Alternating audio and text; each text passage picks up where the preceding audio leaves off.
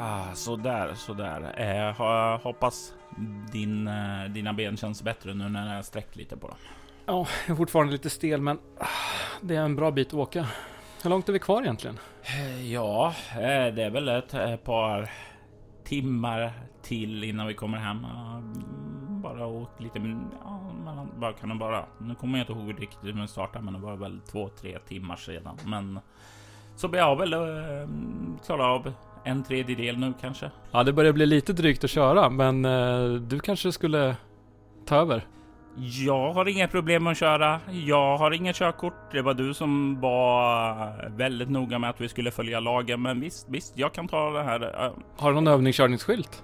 Nej, men vänta. Det, det, är en på bilen där framme. Eh, jag kommer tillbaka strax. Okej. Okay. Han är inte riktigt klok. Nåja, det blir väl en upplevelse. Skynda över till andra sätet här. Ja, ja, ja, innan de ser oss. Innan de ser oss. Okej. Okay. Ja, ja, ja. det här, gasen på den vänstra pedalen. Nej, den högra. Så var det Okej. Okay. Ah, sådär. Sådär. Kolla, kolla Gustav i backspegeln. De vinkar åt oss. Ja, jag ser det. Tur att det inte är min bil i alla fall. Det är inte min heller. Eh, ja, vi får se nu. Vad var vi? var inne på avsnitt 8 va? Eh, Offer och Daemas 5 skulle vi börja att snacka om.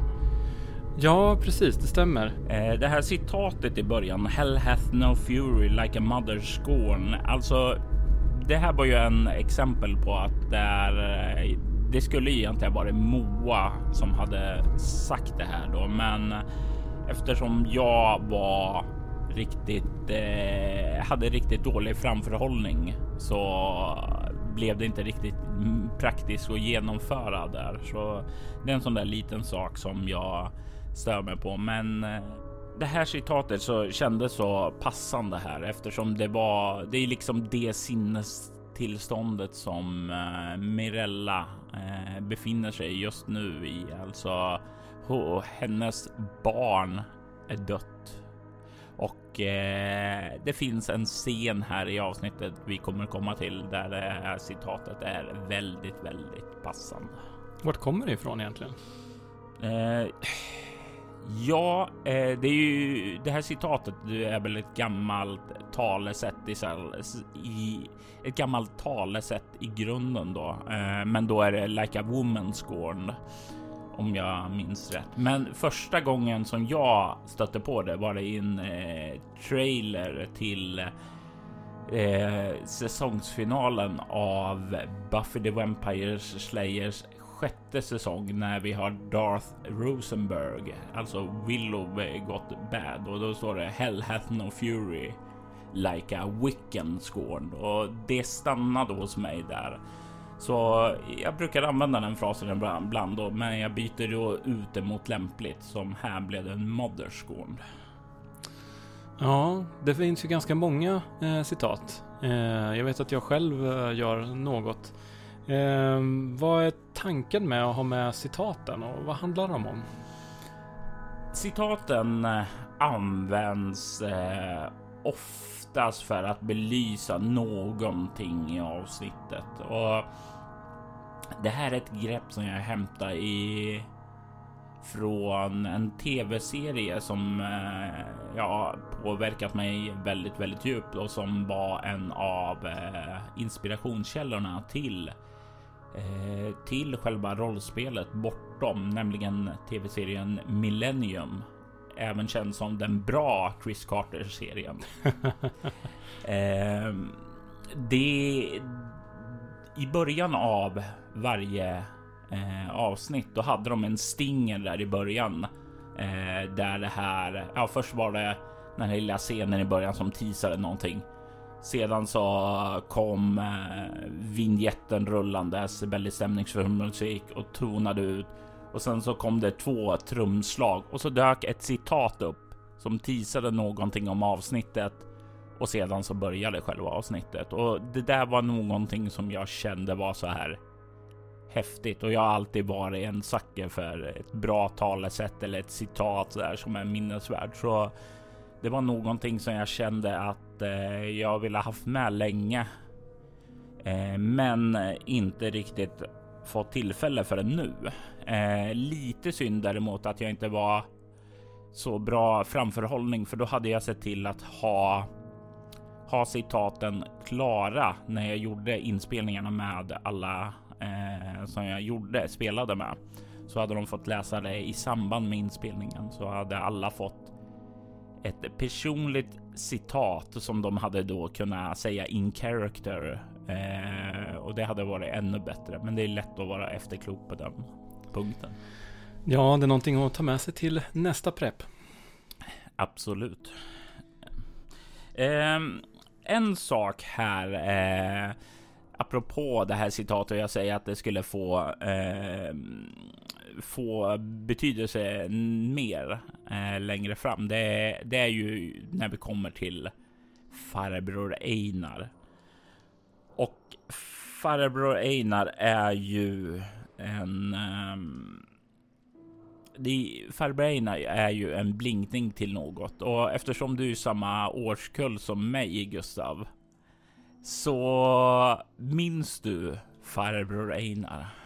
Farbror Einar. Det är säkert fel, men jag får framför mig Galenskaparna After Shave. Kan det stämma? Det skulle definitivt kunna stämma, men det gör det inte. eh, det här var någonting eh, när vi gick på gymnasiet. Okej. Okay. Eh, så var det såna så här eh, tidning som gavs ut eh, på skolorna som var gratis som du kunde plocka upp med lite tips och råd och sådant där allmän ja, allmän gojs och då hade de en serie i den. Eh, jag kommer inte ihåg vem som tecknade den då, eh, men kan ha varit Johan Malou, men stämmer inte om jag har fel nu. Eh, men det var en sån här gammal gubbe som var sur, gnällig och grinig och liksom var arg mot barn. Eh, tyckte de var dryga ah. och slog dem med käppar ungefär som om jag är gammal. Kolla på mig, jag kommer undan med vad som helst. Eh, så slog han ett barn med en käpp och barnen fick en utskällning av eh, av sina föräldrar för de störde den gamla gubben och eh, gick och var dryg och sådant mot allt och alla. Och eh, det fick honom att mysa. Alltså, det var en riktigt osympatisk gubbe. Eh... Nu när du eh, beskriver det så har jag ett, eh, ett, minne av den här serien. Jag hade nog inte kunnat ta den utan den här beskrivningen. Nej, men just det där namnet farbror Einar är någonting eh, som levt kvar eh, för mig och när jag behövde en sur gammal svensk gubbe så ja, Eh, nu fick inte han vara så sur för eh, nu var ju Mirella väldigt, väldigt sur först för hon kom ju direkt ur den här situationen där hon ska ha svar. Hon ska veta. Hon, hon ska ha hem på vem det än var som dödade hennes barn. Mm, jo tack, det tycker jag minsann att hon ska kräva. eh, och eh, det, det, är, det är ju väldigt, väldigt eh, aggressiv eh, fru som... Eh, det är en väldigt, väldigt aggressiv sida som Gregs eh, fru visar upp. Mm, ja, eh, precis som jag känner henne. Det är bra. På dem bara. Mm. Eh, men det blir ju här att här är det ju verkligen det som uh, den mer känslomässiga sidan som vi ser av karaktären där och som kommer också synas lite mer av i Noahs sista drags andra säsong. Mm.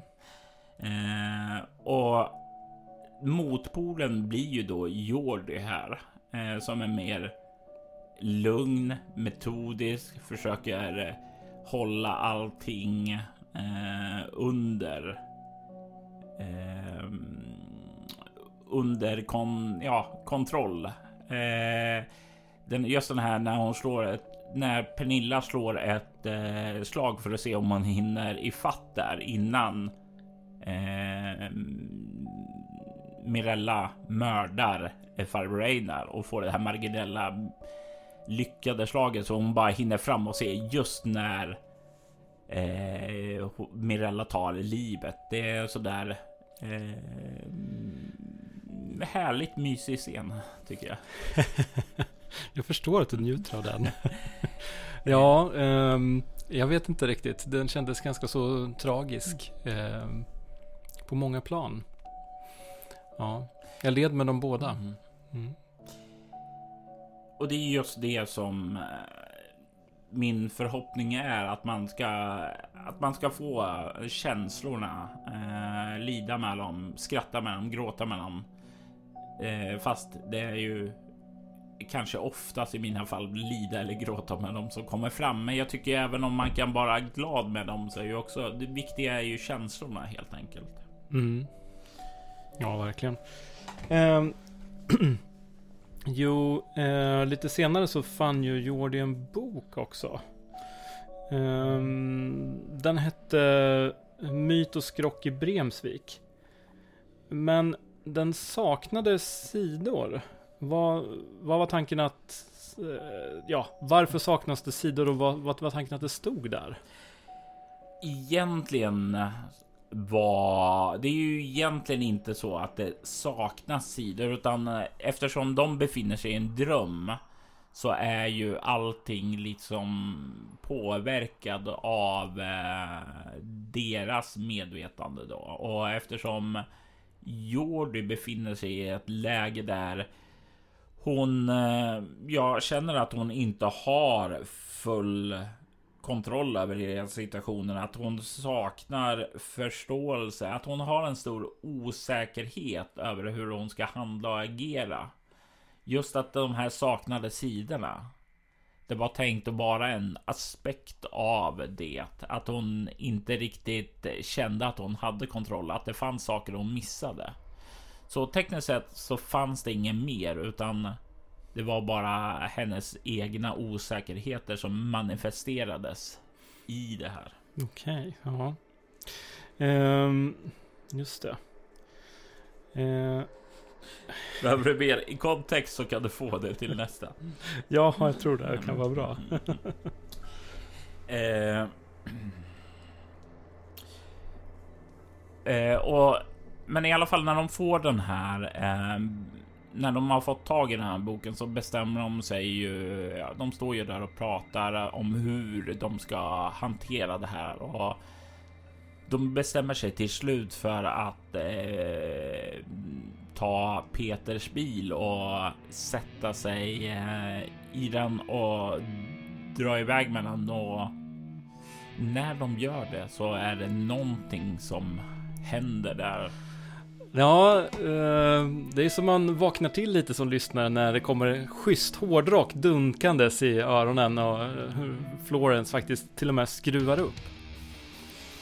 Ja, och det, det är en sån där jättefin scen tycker jag. Eh, att den blev kraftfullare längre fram.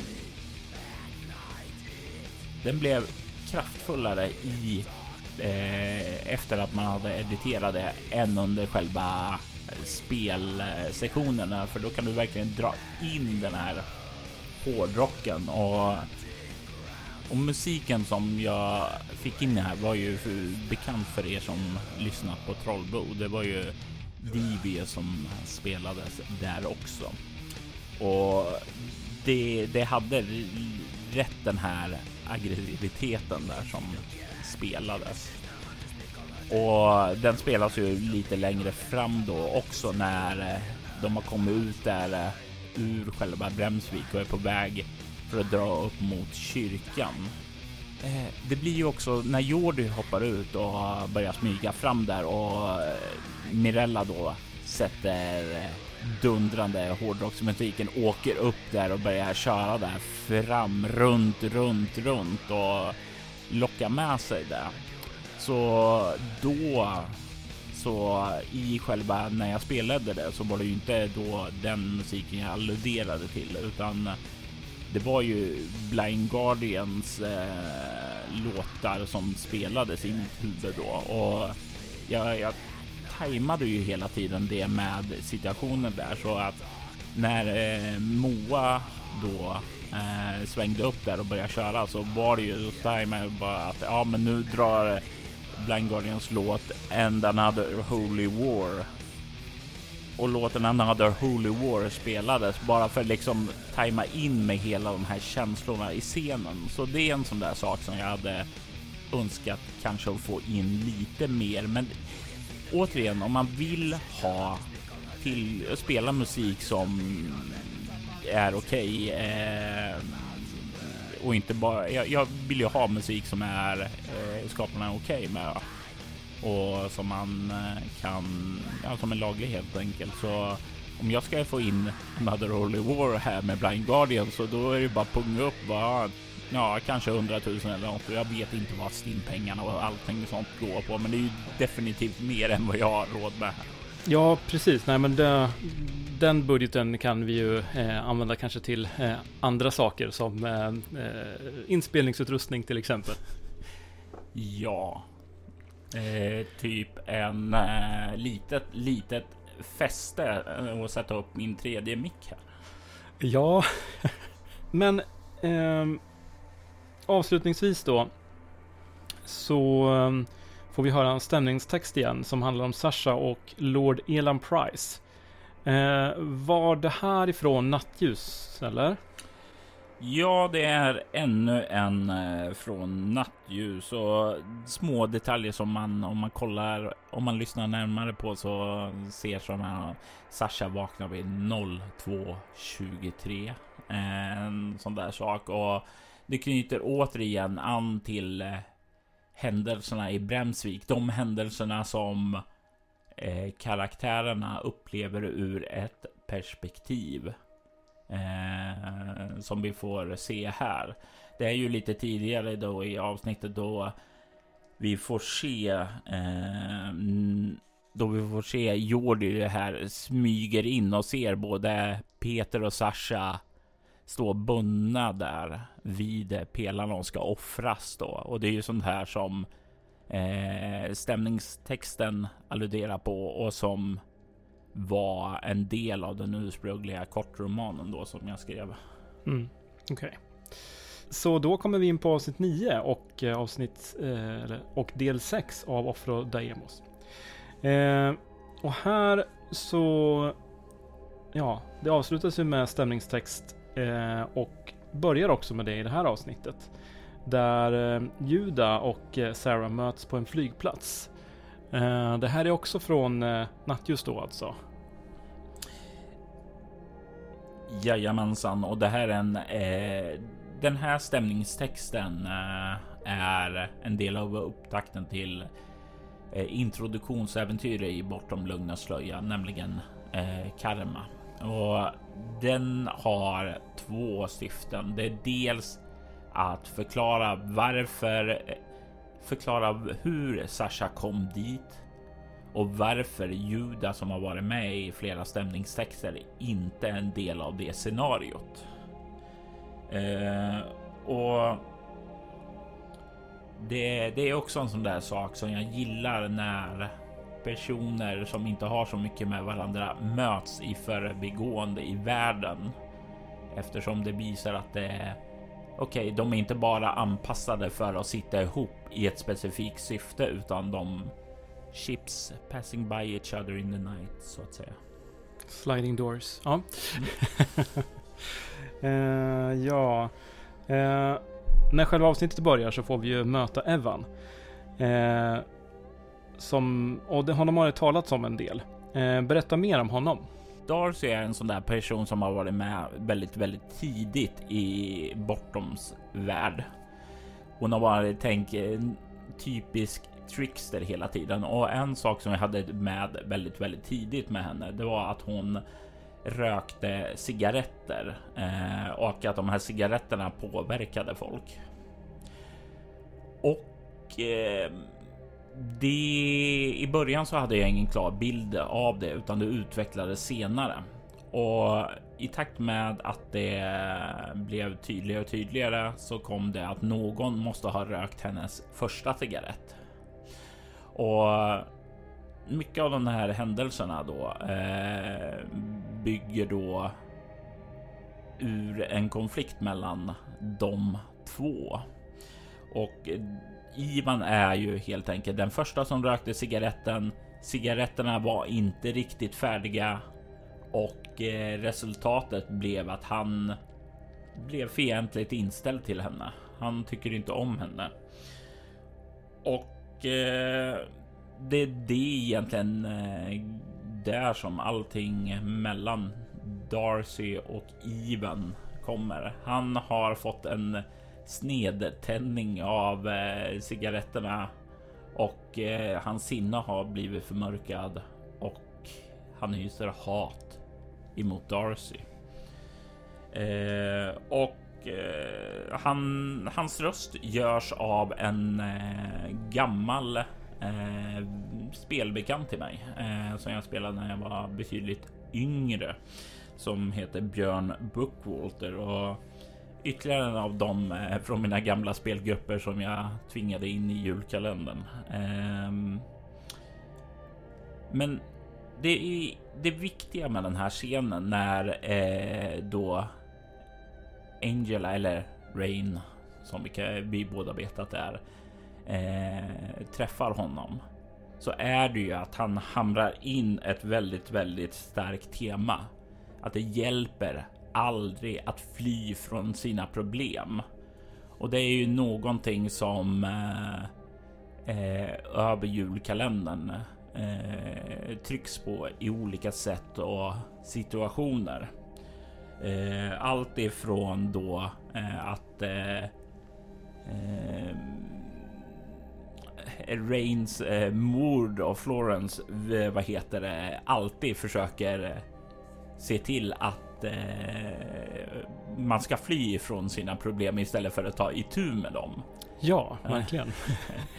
Och det är ju också det där. Det är, det är en sak som reflekterar också är barns eh, sätt att växa upp. Alltså när slutar han vara ett barn? När kommer den här frigörelsen?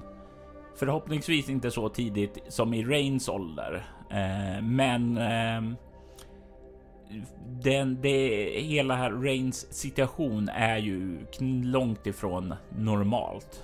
Eh, och efter den skit hon har varit med om så blir det ju att växa upp. Så, så är hon tvungen att växa upp för tidigt. Eh, och det är ju, det är ju lite grann att peta på den här situationen för henne. Att du bara, du måste sluta och eh, lyda mamma. du måste börja tänka själv. Även om det sägs på ett mer, ja, mer subtilt sätt skulle jag väl kanske inte säga, men inte på ett mer direkt sätt åt henne utan mer antyds ungefär. Mm. Mm.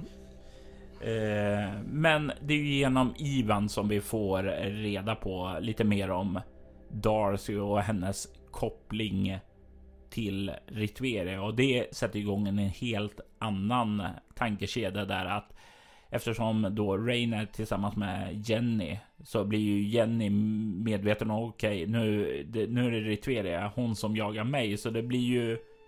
Det blir ju mycket känslor i den här scenen. Ja, Jenny, alltså hon övergav ju, hon, Jenny övergav ju min dotter då hon hörde att Darcy var dotter till Ritveria.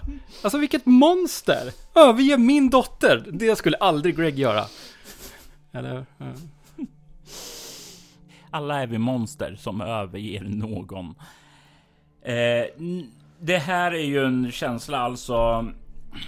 Eh, då Jenny eh, tar ett steg tillbaka Eh, är det ju för att jag, jag, jag vill.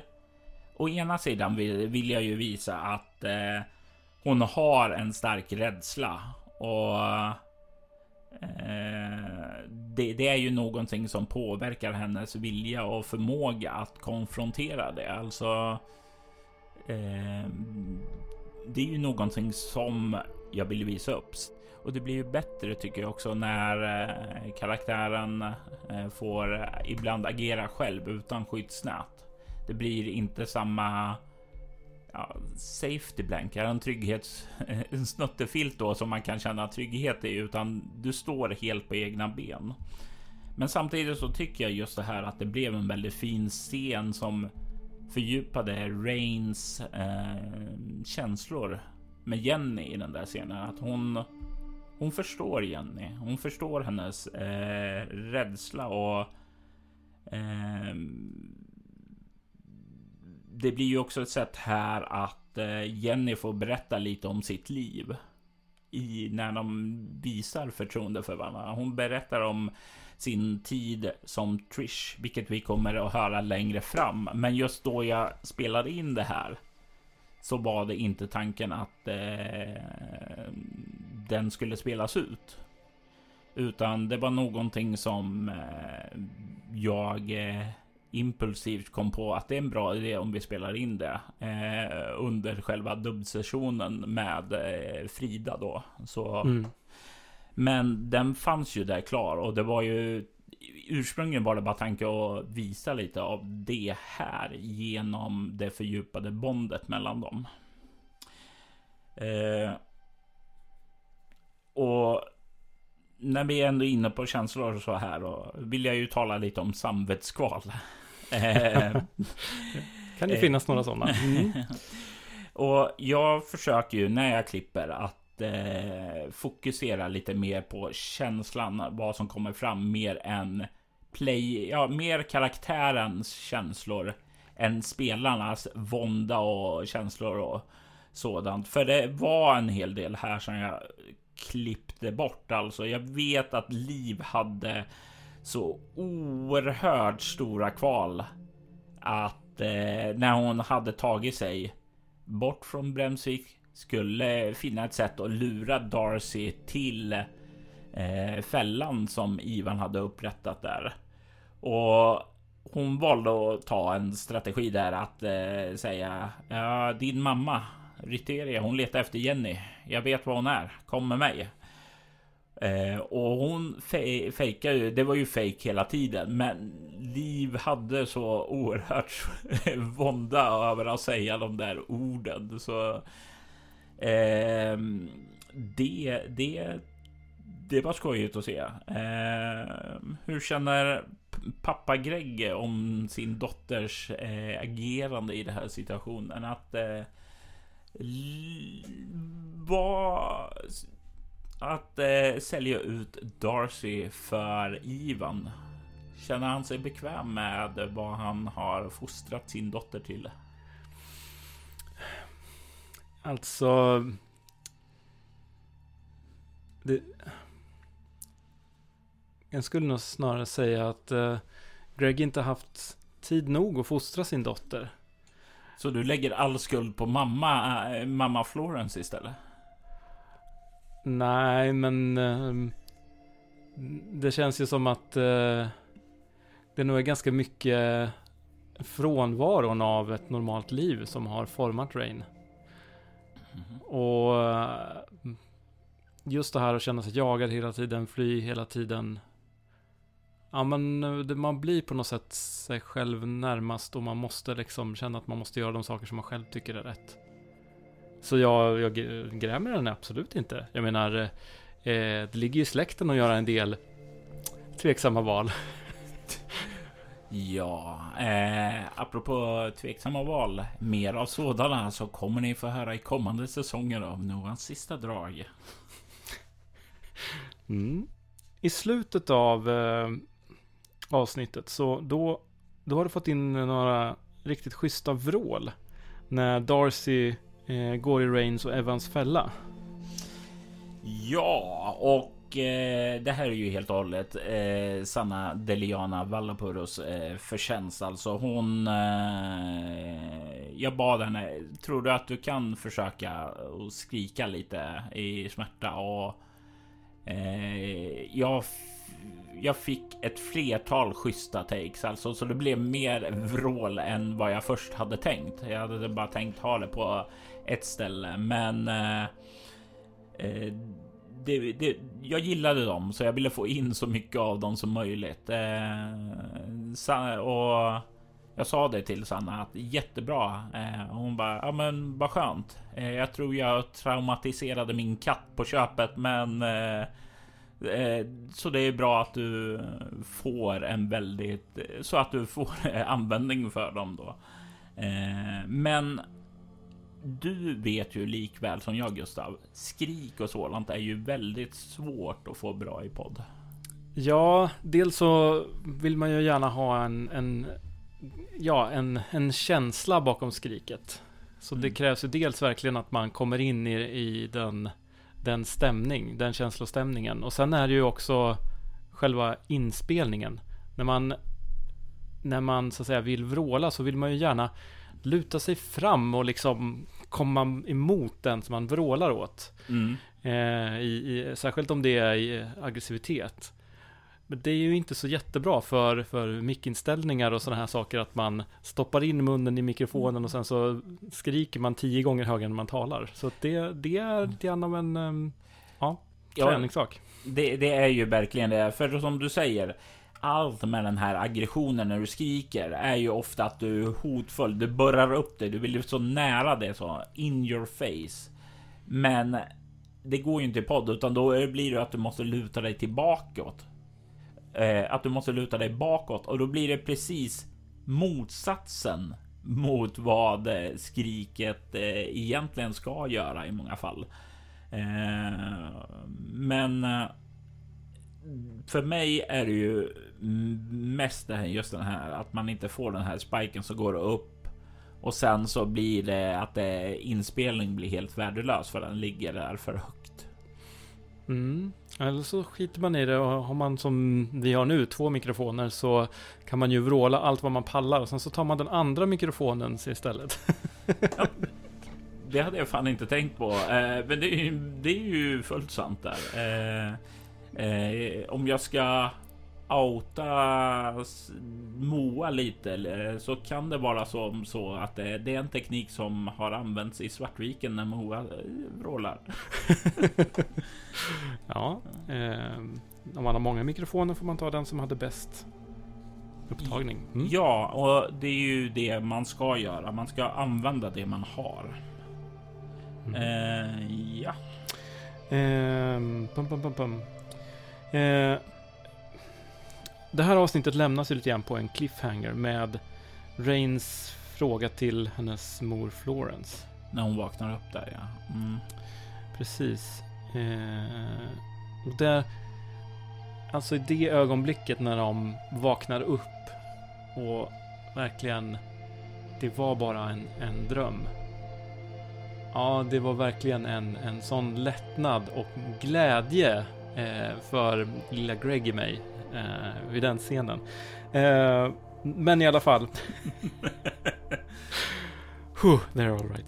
Eh, I alla fall, eh, hennes fråga då. Eh, drömde du också om Bremsvik? Hon frågar. Ja, ja men det var en sån här perfekt cliffhanger eh, som jag kände. Var, som jag känner att jag verkligen, verkligen skulle vilja ta cred för. Men eh, det kan jag inte riktigt, för det var Moas eh, förtjänst. Den, just den här slutet eh, av den här inspelningen var inte taget från Livs inspelning utan den biten med henne där hon eh, säger det. Det är en dubbad replik och det här är taget från inspelningen med Moa då och infogat här. Och det var Moa som bara du, jag tycker vi ska bryta här. Det blir jättebra cliffhanger och så här i efterhand så ja, jag håller helt och hållet med. Jag hade en liten annan sak där, men det var inte så viktigt för att eh, det var här egentligen det emotionella slutet fanns att hämta. Där är det verkligen så här less is more. Det är jättesvårt att sluta och inte fortsätta för långt utan faktiskt kunna stanna. Snyggt där. Ja. Eh, den avslutande stämningstexten då, den antar jag också kommer från nattljus. Ja, vi är ju inne i den eh, svepet nu av nattljustexterna där som är eh, det som går här och eh, det, det här mötet med det här mötet mellan Ritveria och Lord Price, det, det, det tycker jag är intressant på ett sätt. Ja, um Precis, det, det, handlar ju om eh, Ritverias möte med Lord Price, eh, vilket ju är ganska mäktigt i sig. Mm. Och här talas det också något underligt tungomål. Kan du berätta mer om vad det är? Eh, ja, eh, det här språket som Lord Price tilltalar Ritveria på är ju Ritverias tungomål, eller rättare sagt, det är ju det första mänskliga språket, noaitiskan. Och eh, det är faktiskt, eh, jag har, nu ska inte jag säga att eh, jag är språkprofessor eller tolken som skapar massor med olika språk, men eh, jag har skapat ett litet språkskelett för just noaitiskan. Nog för att jag ska kunna fejka små fraser och sådant. Och det är ju det som allting här bygger på. Eh, att eh, visa lite eh, world building. Alltså här finns det eh, någonting. Ja, en, en djupare världsbild också.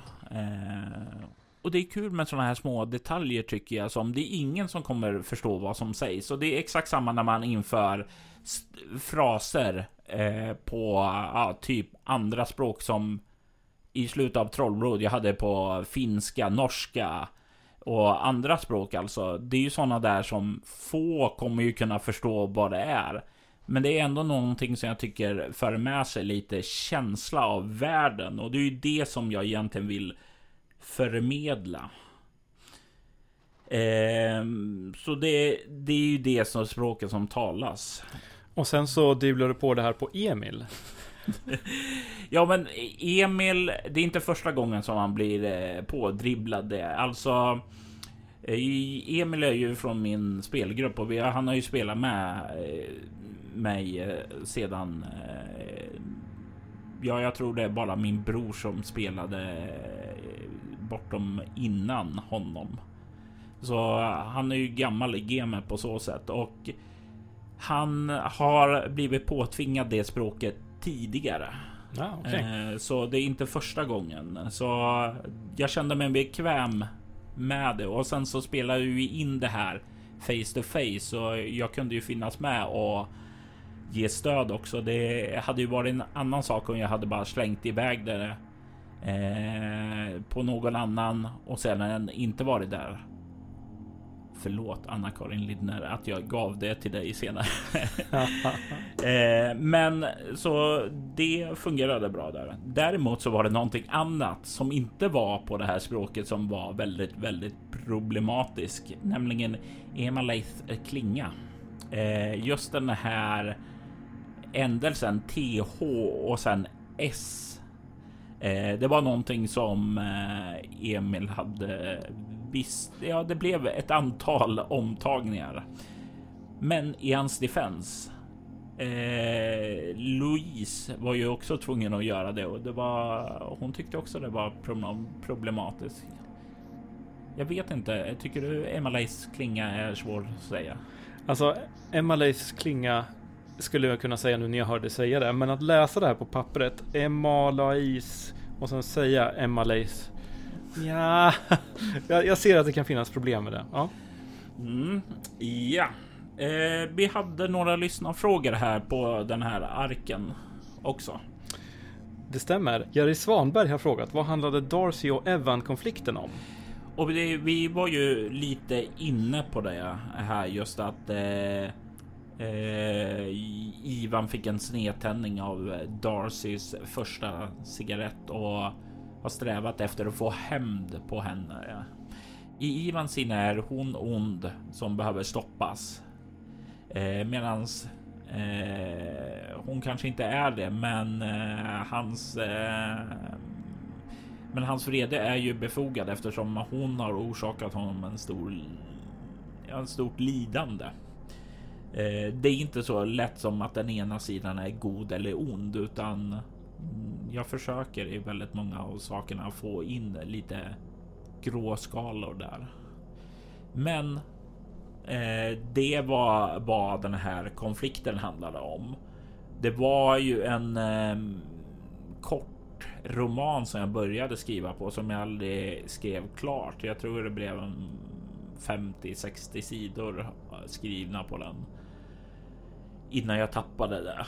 Och det handlar ju om de här flickorna eh, som eh, Rain vaknade upp i bygdegården med.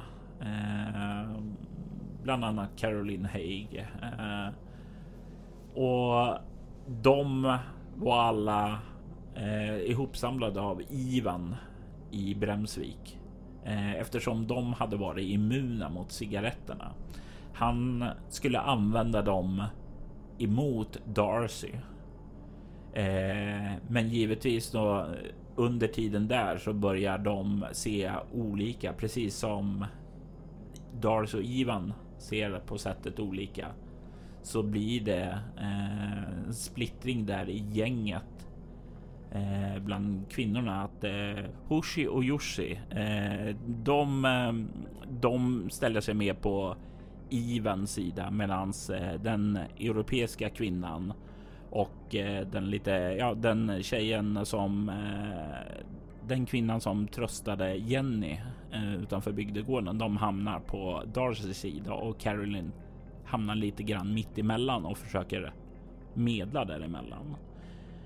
Jag borde verkligen ta och skriva klart den här romanen någon gång där så att den berättelse får en closure så jag får veta hur den här berättelsen egentligen slutar. För något slut på den berättelsen, det var aldrig etablerat utan vi får bara ana själva konflikten i den här drömmen då. Mm. Okej. Okay. Um, ehm, men varför eller ja, uh, varför och vilka uh, skickade gänget till Bremsvik första gången? Här kommer vi in på bortoms metafysik med drömmar och sådant drömmarna är ett levande väsen mer eller mindre. Det är det kollektiva medvetande av alla personer med själar. Det är en entitet, eh, eller entitet är väl kanske fel sätt att säga. Det är en, en typ av livsform som liksom förmedlar varningar om framtiden för vissa personer. Och vissa oneironauter, de lär sig att tolka det här på ett bättre sätt. De kan eh, kontrollera det, dra nytta av det på ett sätt som vanliga människor kanske inte kan. Men eh, varför alla dras hit är ju för att det är någonting som eh, är på väg att ske som vi kommer se i slutet av kalendern. Någonting viktigt kommer att ske i Bremsvik och det är mycket som bygger upp det nu. Så runt över världen så sveper drömmarna fram.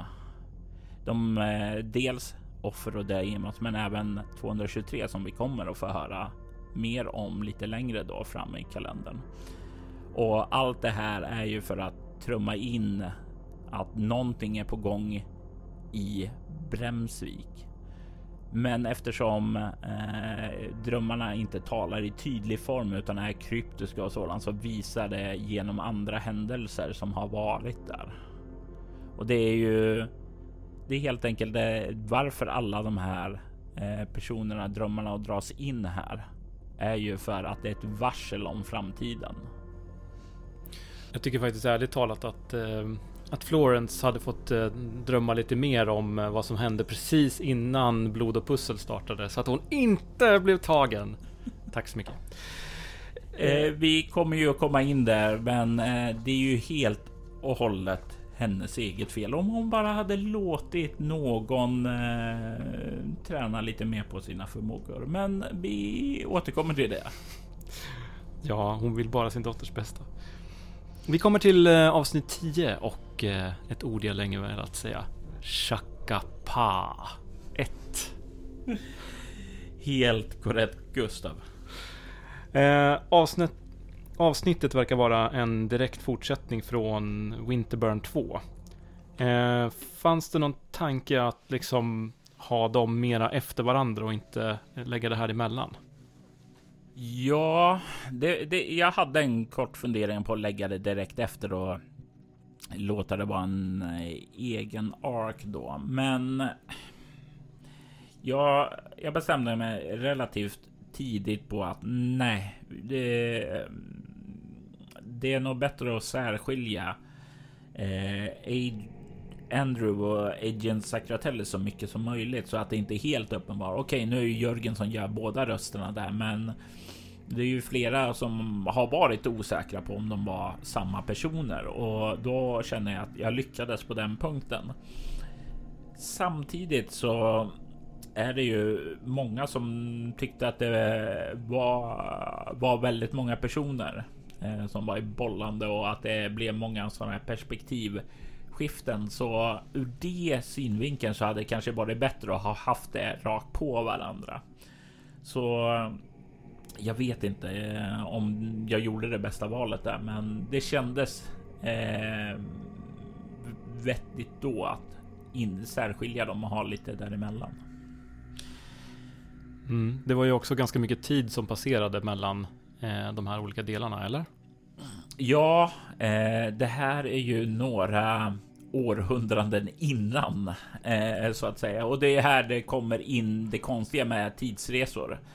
För eh, vi får ju se här eh, starten. Eh, vi får ju se här eh, hur vad som händer efter att eh, Andrew har löst den här eh, pusslet på Metusales sfär och transporteras tillbaka i tiden.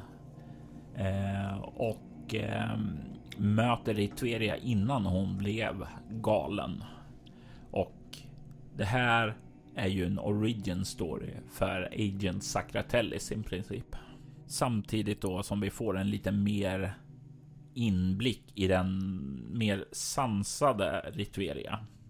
Eh, och det brukar finnas en klassisk eh, sak i eh, narrativ teori att man ska ha en eh, dynamisk eh, status eh, position att du ska inte alltid ha typ en hög status där du har makt, utan ibland så ska du tappa makten och sen eh, att det fluktuerar, att du går från att inte ha någon makt till att ha bara den som har makten. Och här ser vi ju lite grann den positionen att här ser vi början på Andrews eh, ja, eh, maktberusande när han får gåvor ifrån Ritveria.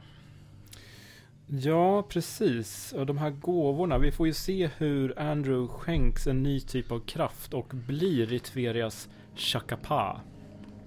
I Bortom finns det ju olika typer av krafter. Ehm, alla som har spelat Bortom känner säkert till ett antal av dem och de som har lyssnat på podden lika så.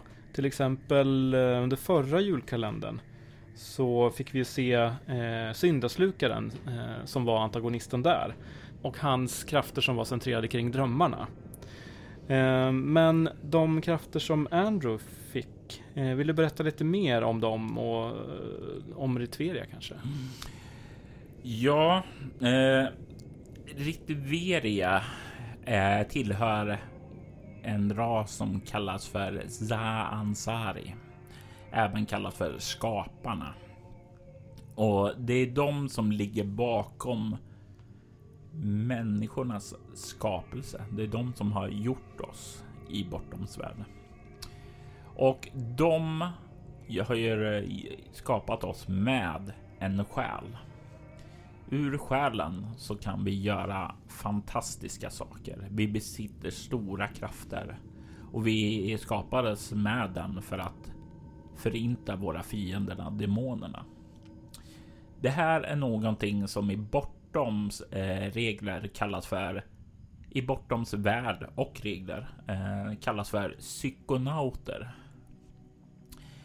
Eh, vi har eh, tidigare stött på några psykonauter i soloäventyret som eh, ja, vi kan ju säga eh, Sadie Carpenter var en sådan. Eh, Dosha var ju också det. Mayu, eh, en annan.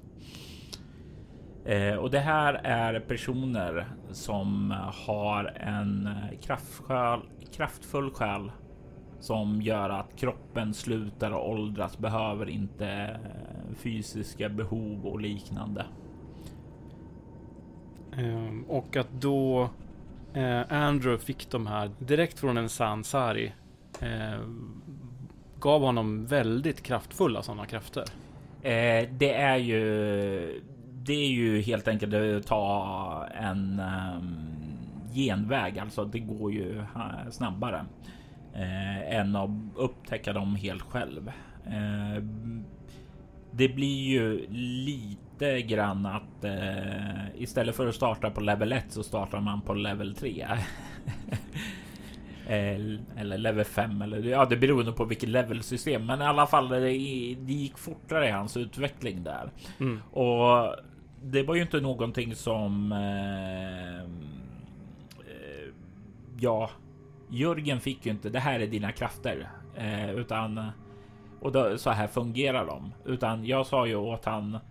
Ja, eh, du känner det här och liksom introducera det och sen fick han upptäcka det sakta i spel.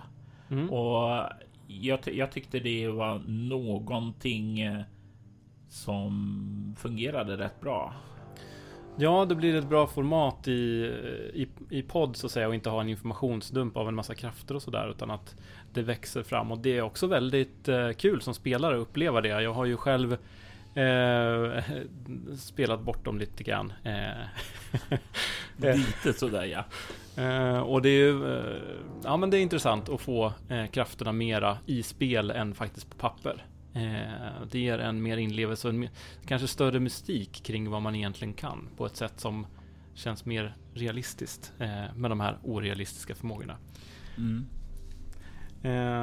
Och det är ju det som är det viktiga, att eh, stämningen och att den läcker ut i podden eh, snarare än att eh, regler, siffror och liknande. Mm.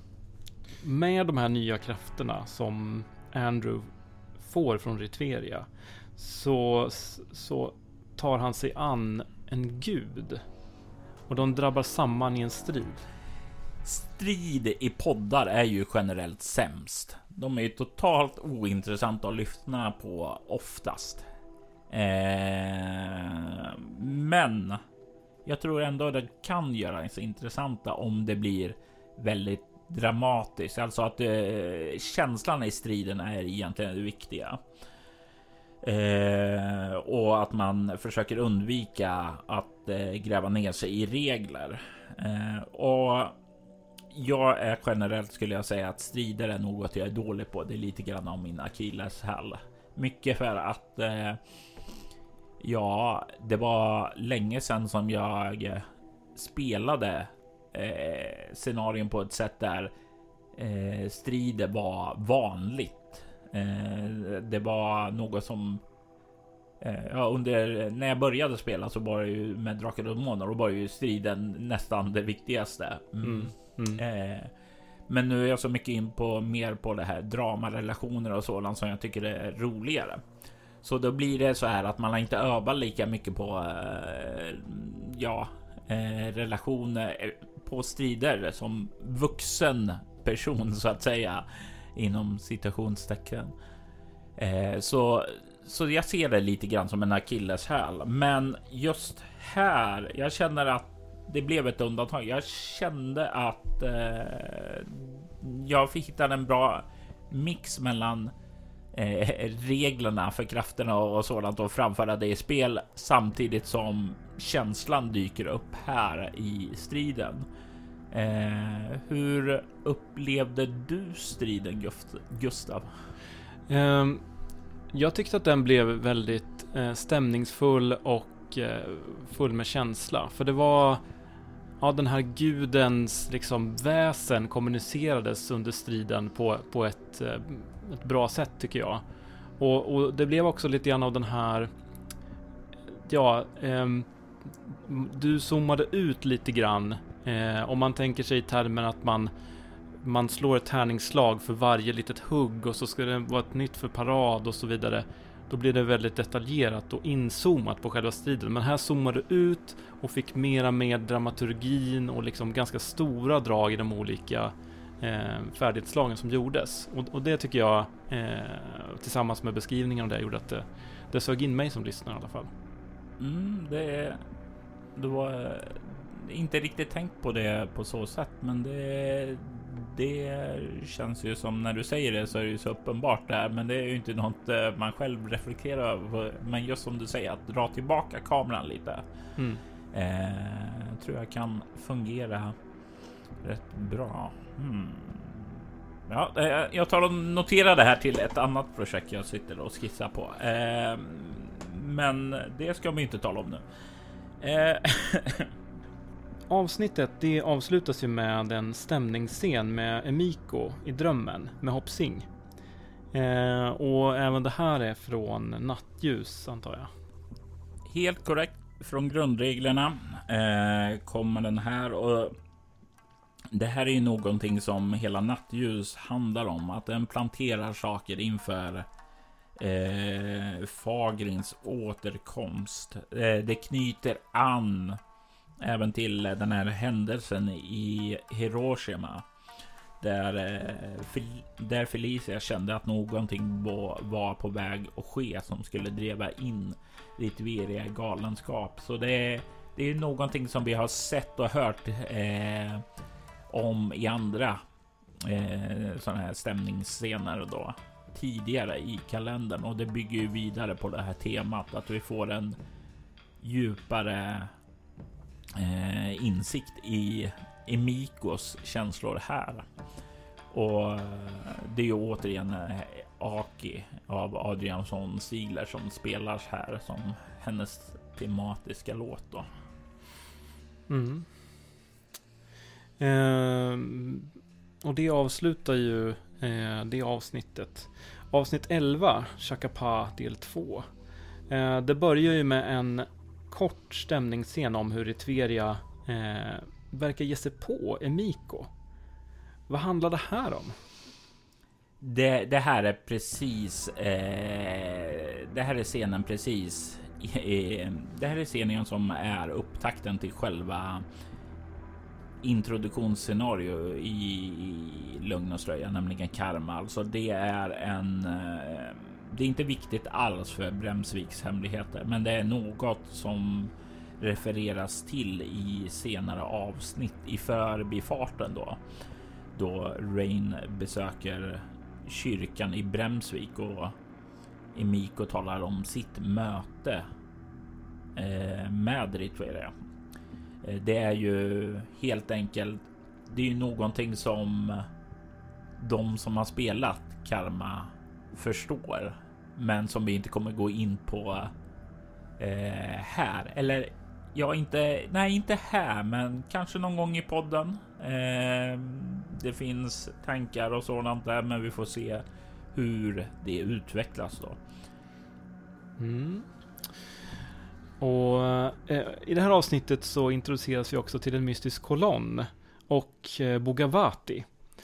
Eh, och den här kolonnen har ju jag hört talas om lite tidigare i alla fall, eller någonting om fem kolonner. Eh, vad kan du berätta mer om det här? Det här är ju någonting som eh, går in i eh, Bortoms eh, metaplott om tystnaden. Eh, det finns en släppt bok som eh, heter Kolonnerna som har två gamla konventsscenarion i sig. Den fjärde och den femte kolonnen. Båda de här finns att ladda ner från eh, Bortom eh, och Mylingspels hemsida. Helt gratis. Boken finns eh, Boken tror jag inte finns eh, tillgänglig längre att köpa från Mylingspel eftersom ja, grundreglerna inte finns eh, i tryck längre då, så det är ju dumt att ha de andra. Jag tror den är slutsåld, men jag tror den går att köpa genom lulu.com då. Eh, Men det är ju där presenteras de två stycken kolonner, den fjärde och den femte. Och de här är eh, kopplade till en man som heter Ripper som reser för att frigöra krafterna där ur dem. Och det är någonting som eh, ett arv efterlämnat av eh, civilisationen Bogavati. Bogavati är en eh, underjordisk stad som finns både i hinduistisk och buddhistisk mytologi och det är en plats där rasen Nagas lever. Ormfolket. Um, och hur hänger det här ihop med Ripper? De här de här kolonnerna lämnades som ett arv av den här kulturen. Ah, och när kraften i dem frigörs så skall tystnaden komma. Och i Rippers ögon så är han ju övertygad om att det är något gott. Mm. Vi ser fram emot den dagen, Ripper. Jag kommer stå vid din sida. Hålla ditt parasoll. Eh, nåväl, eh, vi får lite mer noaitisk språklektion här med eh, shakar och shakari utöver de ord som vi fick höra i förra avsnittet. Ja, och alla de här saker är ju saker som jag vill plantera här nu så att det ska kunna gå att använda dem senare också. Så det är därför jag fortsätter att plantera dem. Precis som Chakapa då också är noaitiska. Nej, noaitiska. Jajamensan. Noaitiska är ju ett eh, hämtad efter Noa. Eh, det är ju Noa som har skapat språket och det är därför det kallas för noaitiska. Mm. Efter att han har besegrat den här guden då så beger sig ju Andrew iväg för att ehm, eh, övertala äldsten eh, i den här stammen om att lämna kolonnen. Eh, men då blir det hot och påtryckningar. Nästan som om det är en plantering av vad som blir eh, ja, nästan som om det är en plantering av vad som blir Agent Sacratellis. Hur styrd var Jörgen här? Ja, inte medvetet. Eh, inte alls skulle jag vilja säga då. Eh, men jag tror ju att Jörgen eh, pejlade av det eh, på ett naturligt sätt. Eh, det var ju som så att jag när jag pratade med honom så var ju Sacratellis som han fick först. Att vara den här bad guyen då. Eh, det var först senare som jag kom på. Åh, du kan få spela honom när han eh, som ung innan han blir eh, elak och för, förstörd. Eh, och det var väl nog på ett undermedvetet plan eller medvetet. Eh, jag är inte helt säker, men eh, det var väl naturligt för Jörgen då att styra det med eh, mot vad han skulle bli här, så jag tror jag, jag, jag vill kreditera Jörgen till eh, valet här för eh, jag tror han har främjat karaktärsarken där på helt på egen hand. Mm. Eh, I avsnittets avslutning så har vi en tillbakablick till Jenny Dedannans förflutna eh, som nämndes i Offer och Daemos. Vi, här får vi se hur en mycket ung Jenny, eller Trish som hon kallas, flyr från ett hus. Vad kan du berätta om det här? Jenny de Dannane eh, var ursprungligen en karaktär som jag spelade i Werewolf the Apocalypse. Det var en karaktär som inte mindes sitt förflutna, utan det första minne hon hade var eh, som Trish. Hon hölls fången i ett hus och eh, hon hade en röst som talade till henne och hjälpte henne att fly. Och det är ju den här lilla bakgrundsscenen ifrån den karaktärens förflutna som egentligen spelas eh, spelas ut här då. En sak som jag hade önskat här var återigen bättre framförhållning. Eh, för den rösten hon hör är ju egentligen en skärva av Ritverias röst och hade jag tänkt, hade jag varit så långt fram att jag hade spelat in det här innan jag hade gjort dubben med Regina för Ritveria så hade ju jag sett till att hon hade fått läsa in de här raderna också. Ja, eh, jag kände ett stort antiklimax här. Det här var en fantastisk eh, build-up, den här scenen tyckte jag. Den triggade mig riktigt mycket. Jag älskade verkligen där hur hon smög runt, eh, hur hon smög runt och eh, hur den här hemske mannen liksom var henne hack i häl utan att riktigt hitta henne och ja, Frida gjorde en väldigt eh, sårbar eh, ung flicka här. väldigt snyggt. Eh, jag hade gärna sett eh, kanske två avsnitt till av den. Eh, alltså de här scenerna som du ni får höra med Frida är ju sådana som egentligen inte var tänkt att vara med överhuvudtaget. Men som i samband med dubben kände jag att ja, men vi spelar ut de här. Det kommer nog bli bra. Eh, är du med på det? Ja, men visst säger hon och sen så körde vi dem. De här scenerna blev väldigt, väldigt bra tycker jag. Jag är väldigt, väldigt nöjd med dem eh, och det var väldigt roligt att utforska dem med Frida. Men det här var ju ett läge som jag satt då att jag borde ju inte egentligen göra dem för jag har för mycket content som det är. Eh, men ja, jag hade ju. Det hade ju definitivt varit skoj att få utforska då mer. Eh, fokusera på det. Mm. Men det är väl också det här när man är. Ja, de kommer ju till för att eh, förtydliga saker längre fram. Eh, andra saker och man får hålla sig lite tillbaka så att det inte blir sväller ut ännu mer än vad det egentligen gjorde. Ja, precis. Jag hade kanske sett en lite tydligare koppling där mellan Jenny och Trish i samband med den här scenen. Den blev lite otydlig för mig. Ja, eh, det, och det är ju också återigen här. Jag en sak jag är riktigt rädd på för är ju att eh, skriva folk på näsan. Att göra det för tydligt.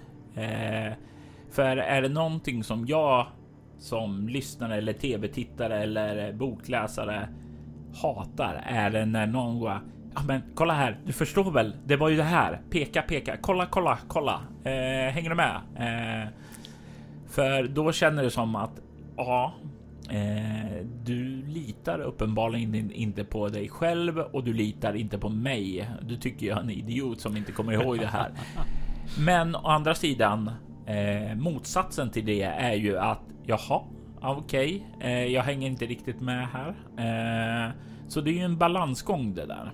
Eh, och jag har väl jag har väl en eh, tendens att eftersom jag är så rädd själv att bli så här pe eh, ja, petad på näsan då så är det väl eh, kanske att jag går för långt åt det andra hållet. Jag vet inte, men du får vara lite mer eh, petande på lyssnarna vid, vid nästa julkalender. För vi får väl en sån. Det kommer en, men den kommer att vara lite enklare. Det, ja, vi kan tala lite mer om den i ja, om några timmar då. Vi börjar närma oss Stockholm. Ja, eh, eh, i alla fall eh, musiktemat här då. Mm, eh, det är ju. Jag använder ju Lisa Lestwis obelisk eh, för allting som har att göra med kolonnen då. Och senare även då Ripper, för det är någonting med den här låten som verkligen eh, fångar den här mystiken då kring kolonnerna och eh, även Nagas och Bugavati och hela den grenen av mytologin bortom. Så eh, den kändes väldigt, väldigt passande för det och eh, kommer få höra den mer också längre fram i kalendern. Ja, eh, innan vi lämnar Chakapa så har vi en eh, lyssnarfråga från Fredrik Mård. Eh, vilken relation har Sansari till till exempel Jehova? När jag skrev föregångaren till Bortom, det vill säga In the Dark, så visste jag en sak. Eh, jag hade ett mission statement och jag skrev det då också i ursprungliga versionen väldigt blatant också. Va? Eh, alla religioner är lugn. De, det var en lögn planterad av demonerna för att eh, underminera den mänskliga själen. Eh, det var ett vapen emot oss. Och den här gnistan som satte igång det, den händelsen är ju någonting eh, som eh, vi förhoppningsvis kommer att höra i podden någon gång framöver, för det är knutet till Jordy Chase då. Och eh, profetian om henne som den andra Eva. Oh. Eh. Det bringar upp minnen av en tavla. Eh, Nåväl, så vilken relation har Sansar egentligen till eh, Jehova? Eh, man, man, kan ju säga som så att de har ingen relation, men de har ju gudalika krafter, eller så som vi människor skulle se gudar, att de har mäktiga krafter. Men eh, oftast så är det ju demoner som tar gudars namn för att bli dyrkade. Men ibland så är det även Sansari som blir kallade för gudanamn och det fastnar på dem som vi kommer se lite längre fram. Agne är ett sånt här exempel på där det människor har givit namnet åt en Sansari till exempel. Och om man vill ha en liten sån här vagre eh, riktlinje så är det väl de här abramitiska religionerna är ju oftast eh, eh, demoner som tar sig eh, skepnad av dem och gömmer sig bakom det. Där det är monoteistiska religioner, änglar, demoner. Eh, det är ju väldigt ofta där de eh, demonerna utnyttjar sig av. Och sedan kanske oftare så återfinns i hinduistiska och buddhistiska religioner kanske mer åt sansari istället. Eh, Gustav, jag svänger in här framme. Jag behöver en kisspaus. Ja, eh, låter bra. Du har lyssnat på postmortem avsnittet för Bremsviks hemligheter med mig, Robert Jonsson och Gustav Ruthgård. Musiken i detta avsnitt var Cryo Chamber Dark Ambient 2015 Devious Born in Darkness, Adrian von Sieglers Aki, Lisa Listwis Obelisk. Cryo Chamber och Lisa Listwi ges ut av Cryo Chamber och detta skivbolag ger ut en mängd av musik som är väldigt passande till rollspel. Så om du letar efter stämningsfull musik till dina rollspelspass så tycker jag definitivt du ska checka in länkarna i detta avsnitt. Soläventyret är en actual play podcast där vi spelar rollspelen Bortom och Leviathan. Tack för att du har lyssnat.